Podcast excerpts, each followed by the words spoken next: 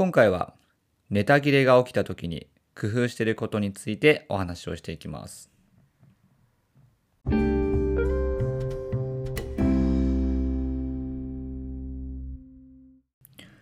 皆さんこんばんは。ヒロトのフラット独り言、えー本日木曜日の配信を始めていきます。はい。えーちょっとね、日付が超えてしまったので、あの、水曜日の配信とは言わずに、木曜日の配信となってしまいました。はい。えー今日も、えー支店のメンバーと飲んでいたということもあって、配信が大変遅れてしまいました。いやー、申し訳ございません。そうですね。うんまあ、こういう飲み会の場があった時の配信っていうのは、まあ、どうしても遅くなりがちになってしまうので、えーまあ、そこはなるべく、えーまあ、日付のうちにと収められるようにちょっと頑張っていこうと思いました。はい、ちょっと反省です。えー今日はですね、早速テーマに行くんですけれども、ネタ切れを起こした時に工夫していることについてお話をしていこうと思います。はい。えーかれこれですね、僕自身も配信が、えー50強で6回目ぐらいなんですけども、うん。まあ、何やかんや50回、まあ、続けることができたわけなんですが、えーまあ、その中ではですね、当然、あの、配信するネタがなかなか思いつかないなってことも、まあ、多々ありました。うん。まあ、それこそ、もう本当に話すことがないときは、もう旅行トークを挟んだりとか、ね、ちょっと応急処置的なあのこともしていたんですけれども、まあ、そうですね、改めて、えー振り返ってみると、まあ、なんやかんや、まあ、ここまで、ま、配信を、ま、続けることができたのは、まあ、僕自身もちょっと工夫したことがあって、はいまあ、それが結構、まあ、助けになったんじゃないかなと思ったので、今日はそのことをお話をしていこうと思います。はい。えーまあ、多くの方が、えー配信する際の、まあ、心配事というか、うんまあ、すごく懸念点としては、やっぱりネタ切れが一つあると思うんですよね。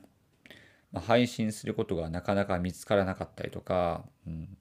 まあ、それこそ毎日新しい情報を取り入れてそれを、えーマイクを通じて話していくっていうのもなかなか、えーしんどいことかなと思うので、はいえー僕がですね、えーそういう状況の中、まあ、どういうことを工夫しているのかということなんですけどもはい、えー僕はですねネタ切れを防ぐ方法としてはえーまあ、抽象化することをすごく意識してます。で、ここで言う抽象化っていうのは、えーまあ、辞書的な意味で言うと、まあ、具体的な事象をより広範囲に該当するように、まあ、定義づけることというふうに、えーなってますと。はい。例えばですね、うんまあ、具体的なことで言うと、えー最近音声配信がすごく流行っている。まあ、これは、まあ、具体的なことですよね。うん、実際にこういう、えーアンカーとか、あとはスタンデー FM とか、うん、また Voicy とか、いろんな音声配信のプラットフォームあると思うんですけども、まあ、それを今、えーリスナーの方も多いですし、逆に配信する方も増えてる。これは紛れもなく事実でありますと。で、でこの具体を、えー抽象化していくと、まあ、どうなるかっていうと、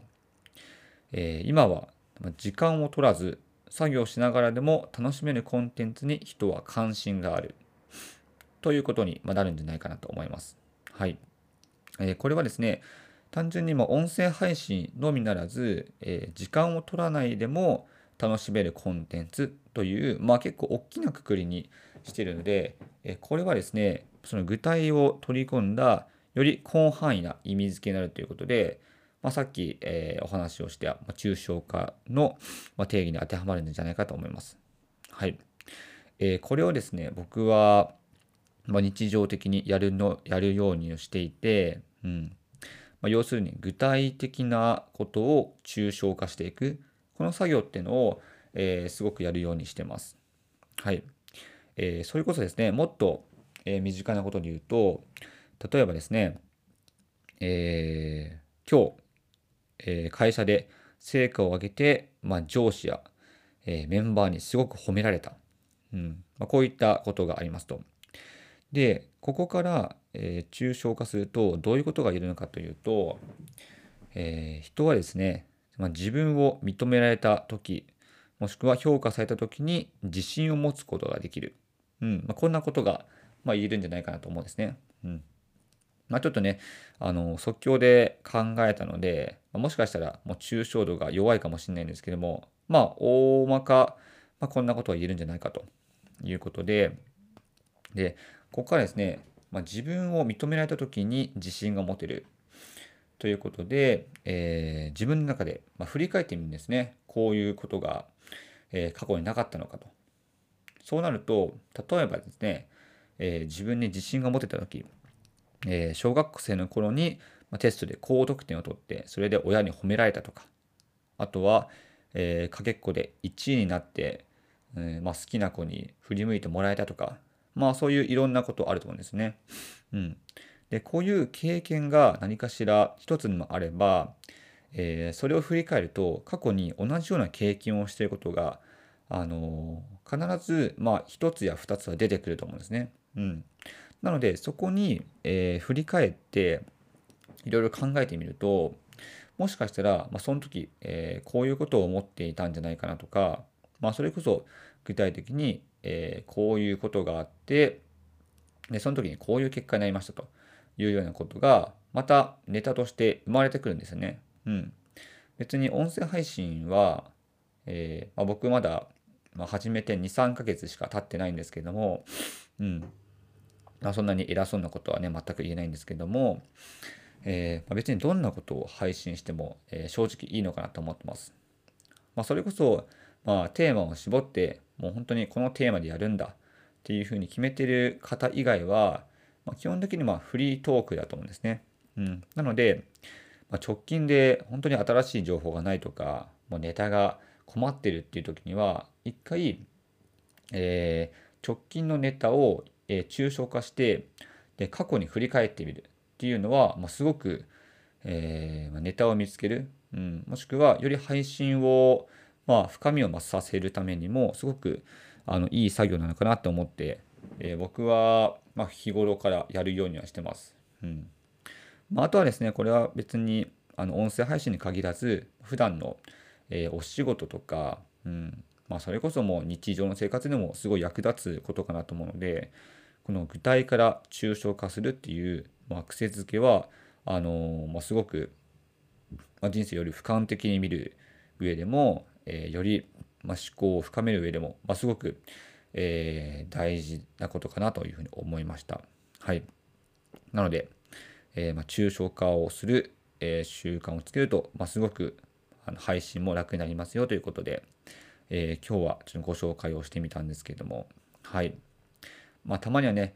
もう、かれこれ50回以上配信をしているので、